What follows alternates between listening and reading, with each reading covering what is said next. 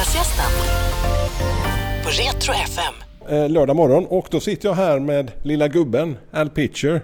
God morgon. Finally, finally someone respects the person I am. Lilla Guben. Men du, uh, this lilla gubben thing. First time you heard it. Uh, no, but I. Um, what's strange is I've just tried to make jokes about things that I see.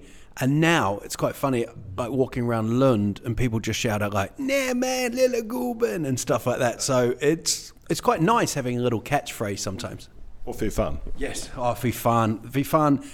I think I'll be with my kids and people will go, fy fan. And my, my kids don't quite understand what they're saying. Uh, 20 years with stand-up comedy. How did you end up there? Um, I'm not one of those that sort of came out of the womb and wanted to do stand up. You know, some people come out and, you know, they've got the microphone ready and the jokes are ready to go and they always want to do stand up. I um, I just went through a number of jobs, um, bumping and bouncing and not knowing what I wanted to do, and then um, just went to a comedy club, and I was like, "Wow, this is amazing!" And I thought I'll give it a try. I've never really, I'm not really a show off as such, but when you do comedy, you have to be a show off. You, I mean, there must be. So, I think I'm quite normal but there must be something missing in my head that makes me want to go on stage and make people laugh. So um, yeah, I just tried it, and it was up and down. Um, was doing well in England, and then we came to Sverige, and it's gone better than I could imagine. You know doing jokes about uh, Swedes in, in the UK or in New Zealand, what would you say?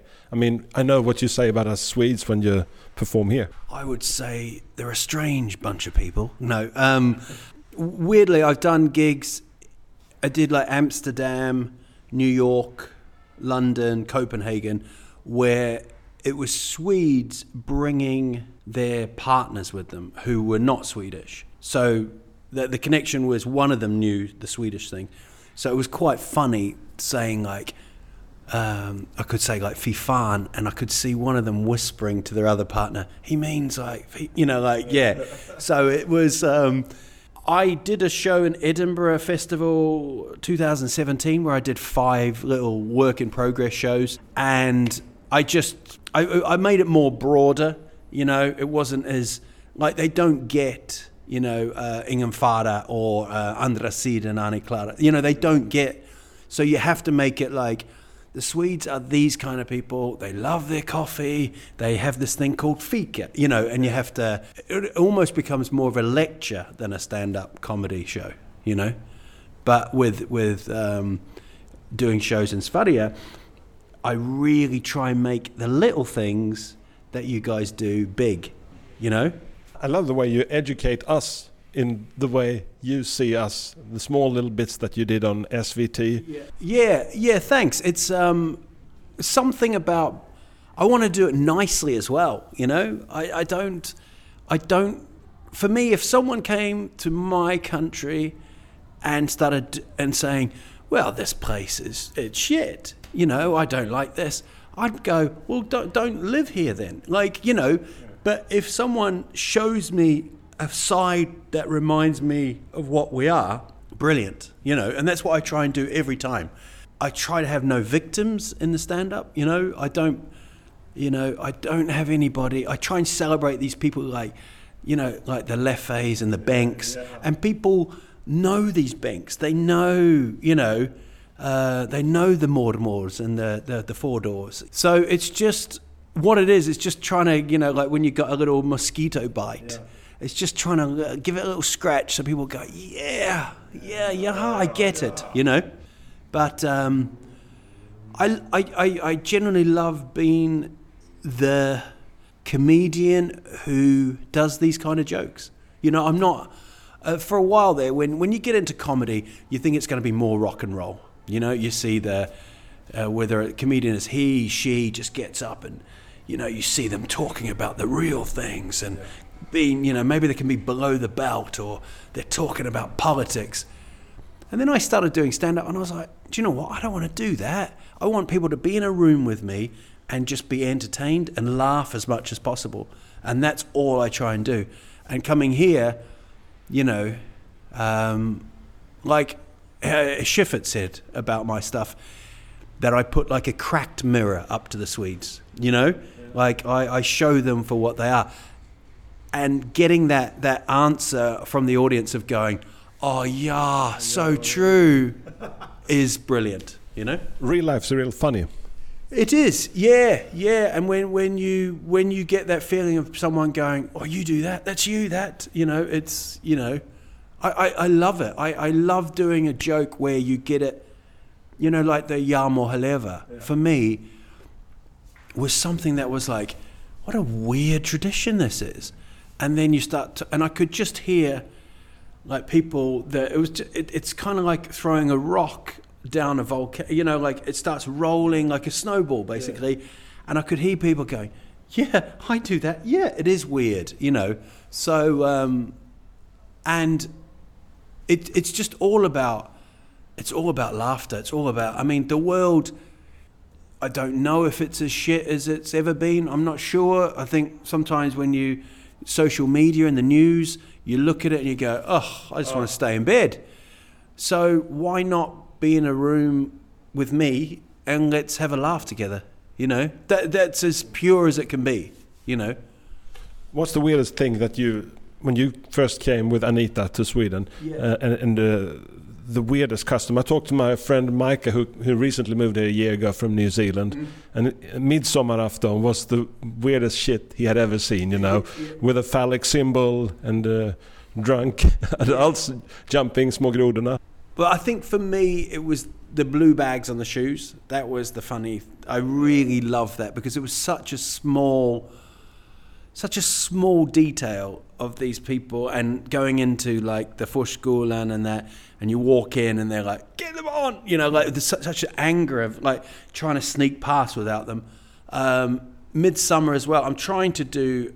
I'm, I'm doing like a work. In, I'm I'm working on new material now, and I've got a little bit about Midsummer and how the Swedes kind of sell it to you as this romantic. You know, this was, but I don't see any romance in it. You know, I just see people staggering around. You know, falling into bushes. You know, so um, it's uh, it, it is it's something that you guys take for granted and it's an easy thing and then you you notice it and and I think that's the beauty and I've done I've done like four tours now I still think there's way more to do there's still more to scratch more to find you know and I think uh, you just got to surprise the audience as well like the audience who come to watch my shows now, they know, they sort of know. It's like watching your, you know, your favorite band.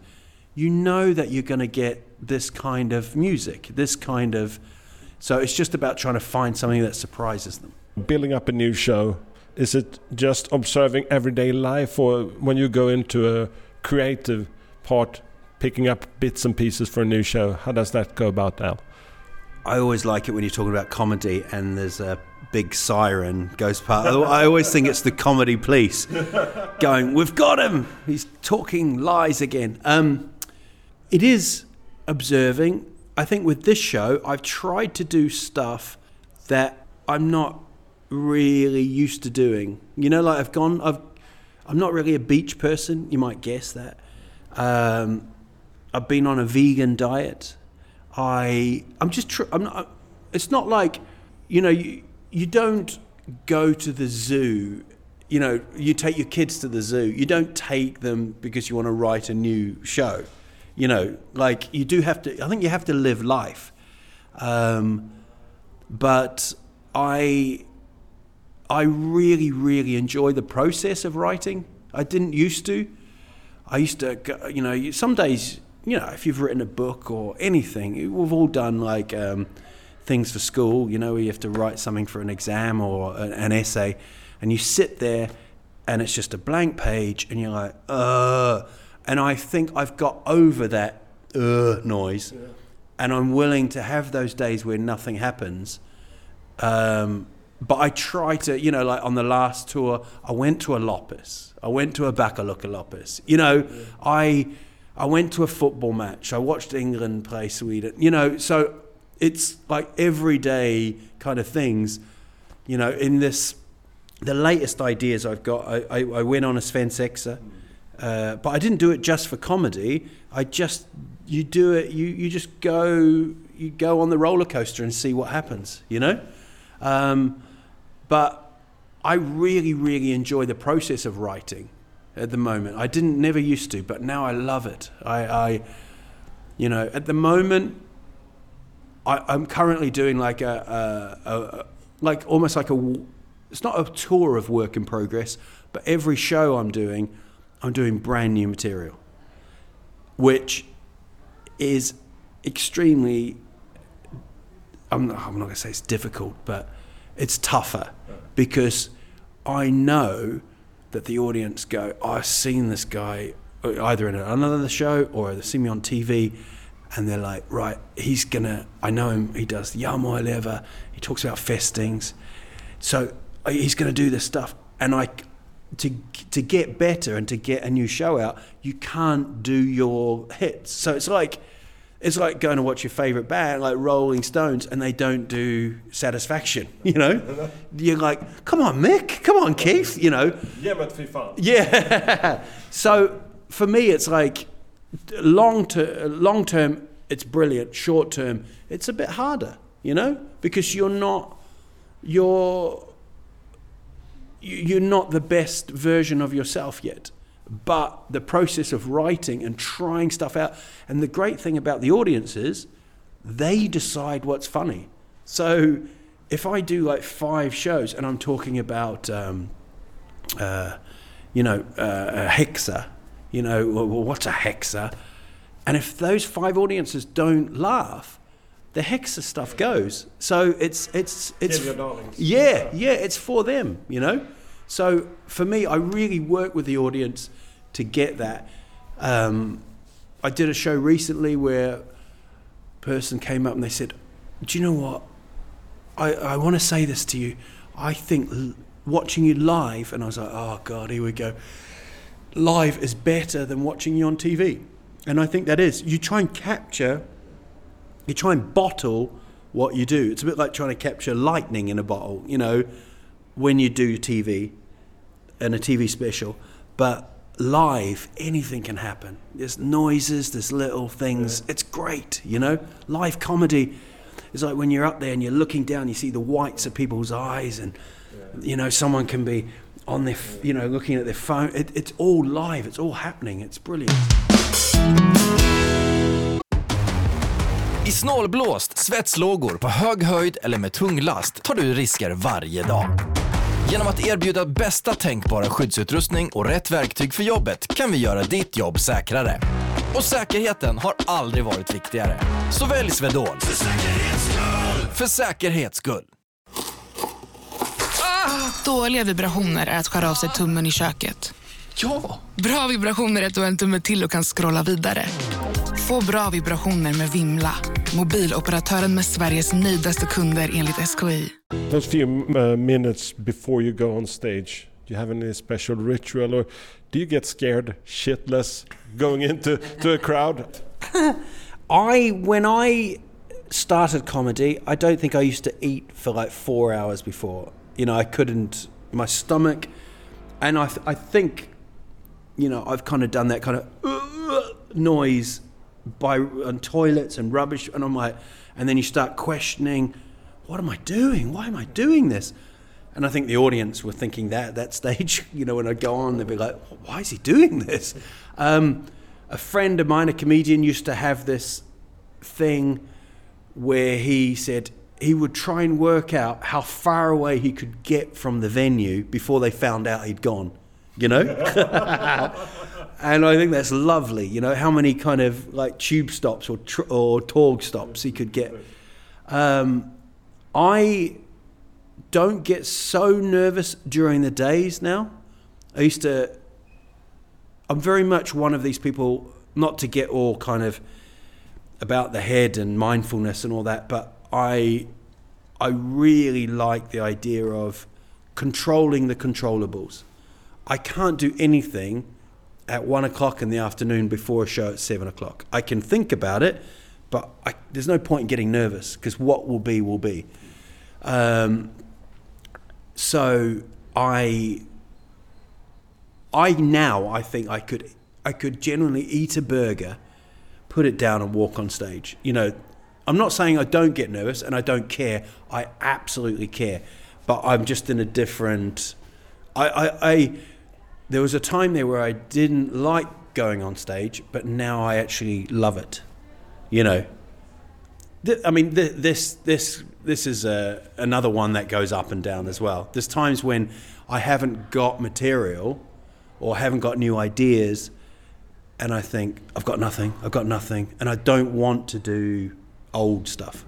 You know, I think as a comic, you should write a show and then try it, but it should keep changing all the time. It should Dynamic. Yeah, everything. You know, you you just go. You should never have like that one hour show, like the the TV special I did, the Sphadia Syndrome, which is on uh, SVT Play.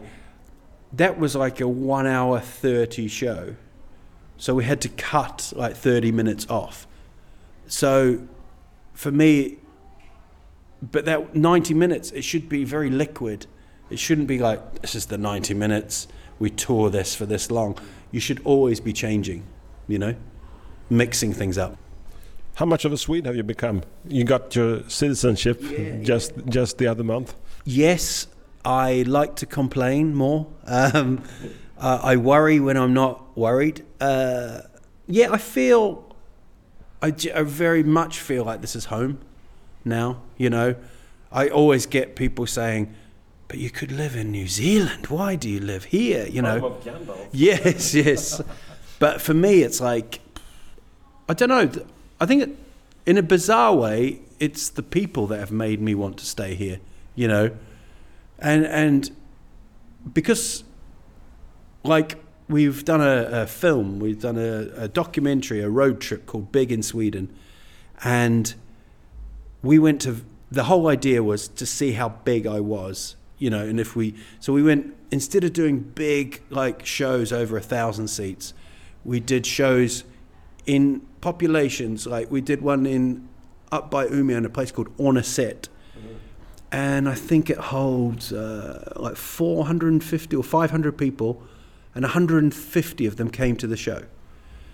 So it was like, and I felt those people, this was an event. And I've done them in Skåne. I was in Dalby the other night, and it's wonderful. Like there's 150 people in Dalby coming to a show, and it's an event. It's not, it's not just a normal night. This is like Dalby. It's like almost like the town was like rebooting. Like it was like a kickoff, you know.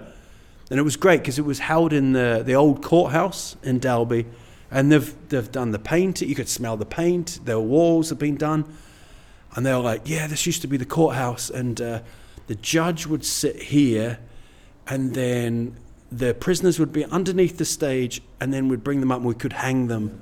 We'd hang them. I was like. Oh, that, that's a wonderful introduction.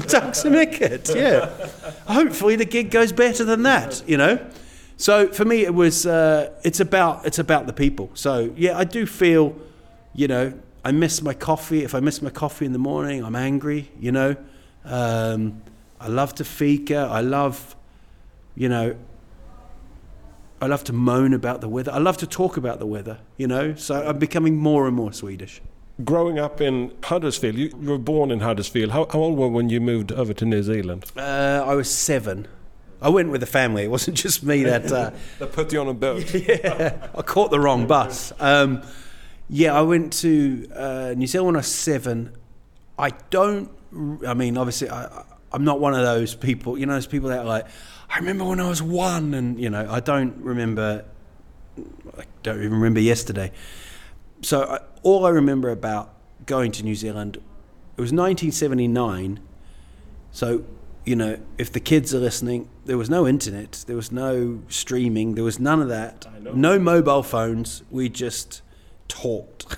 and I remember saying goodbye to my grandparents, uh, Mordor and Fordor. No, they, they um, and I said goodbye to them, and I remember thinking having this sick feeling in my stomach.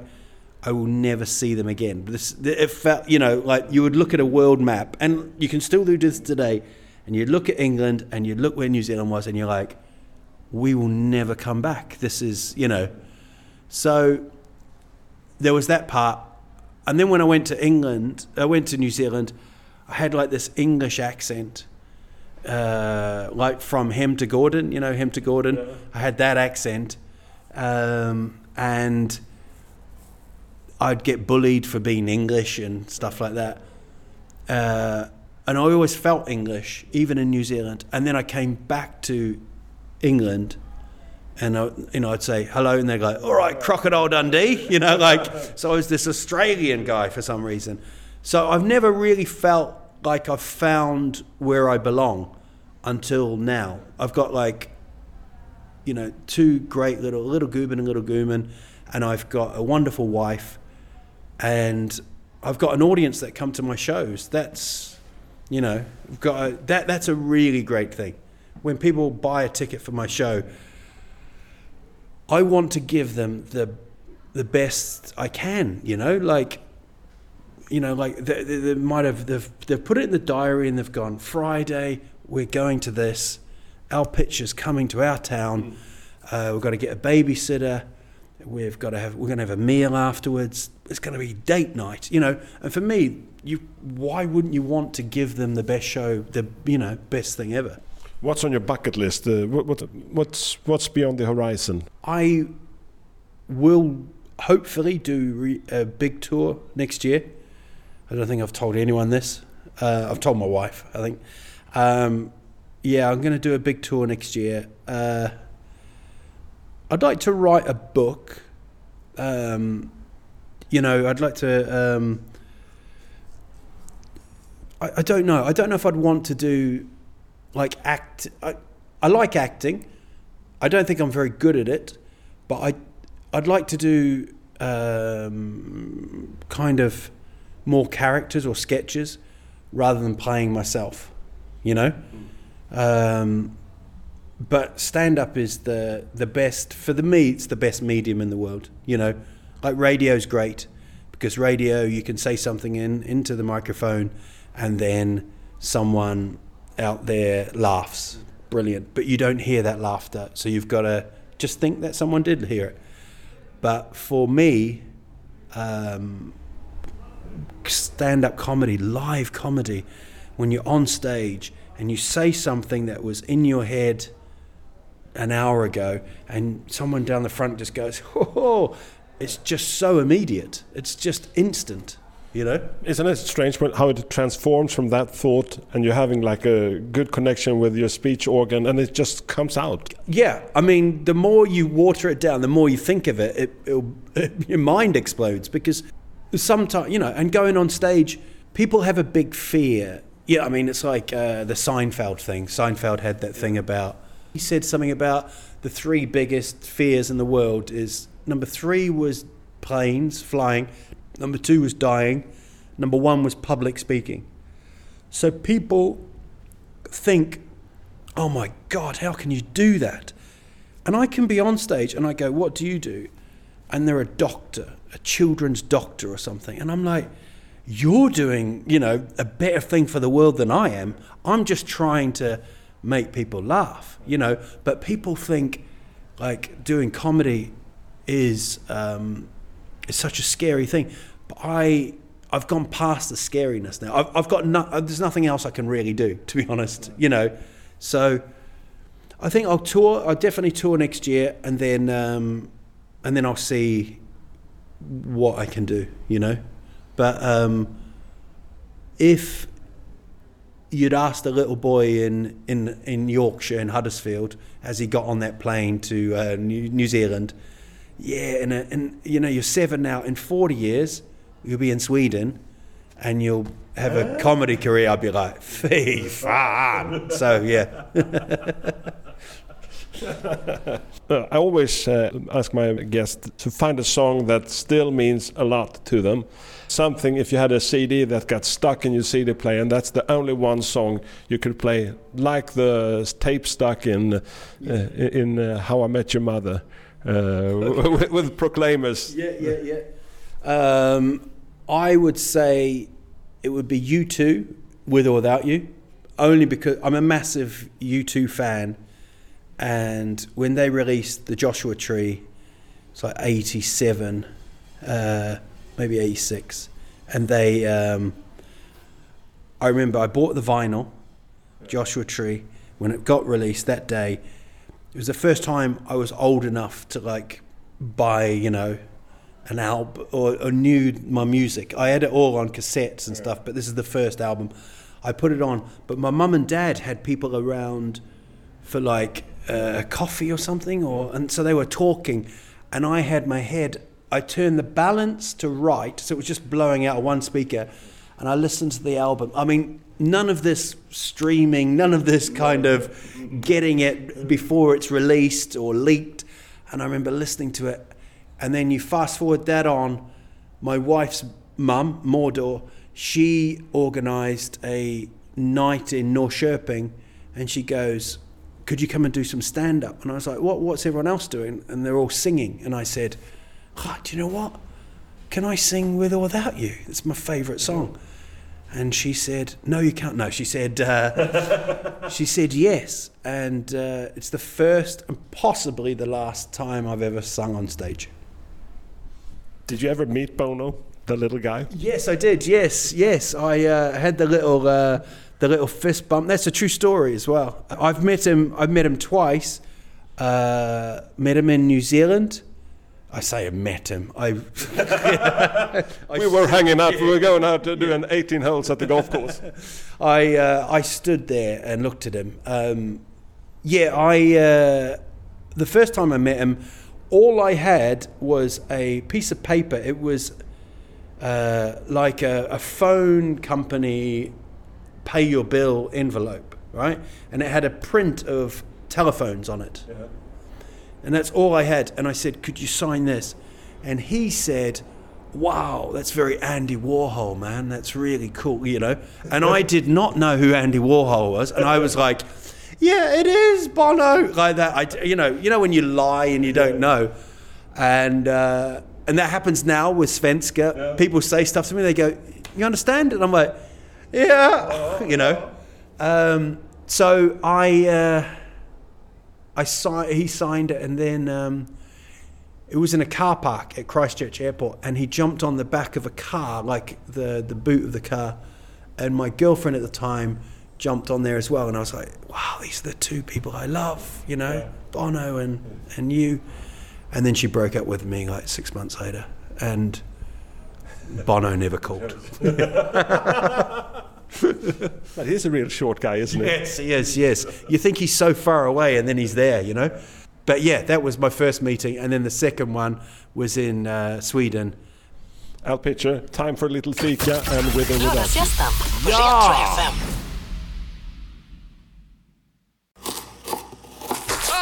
Dåliga vibrationer är att skära av sig tummen i köket. Ja! Bra vibrationer är att du har en tumme till och kan scrolla vidare. Få bra vibrationer med Vimla. Mobiloperatören med Sveriges nöjdaste kunder enligt SKI.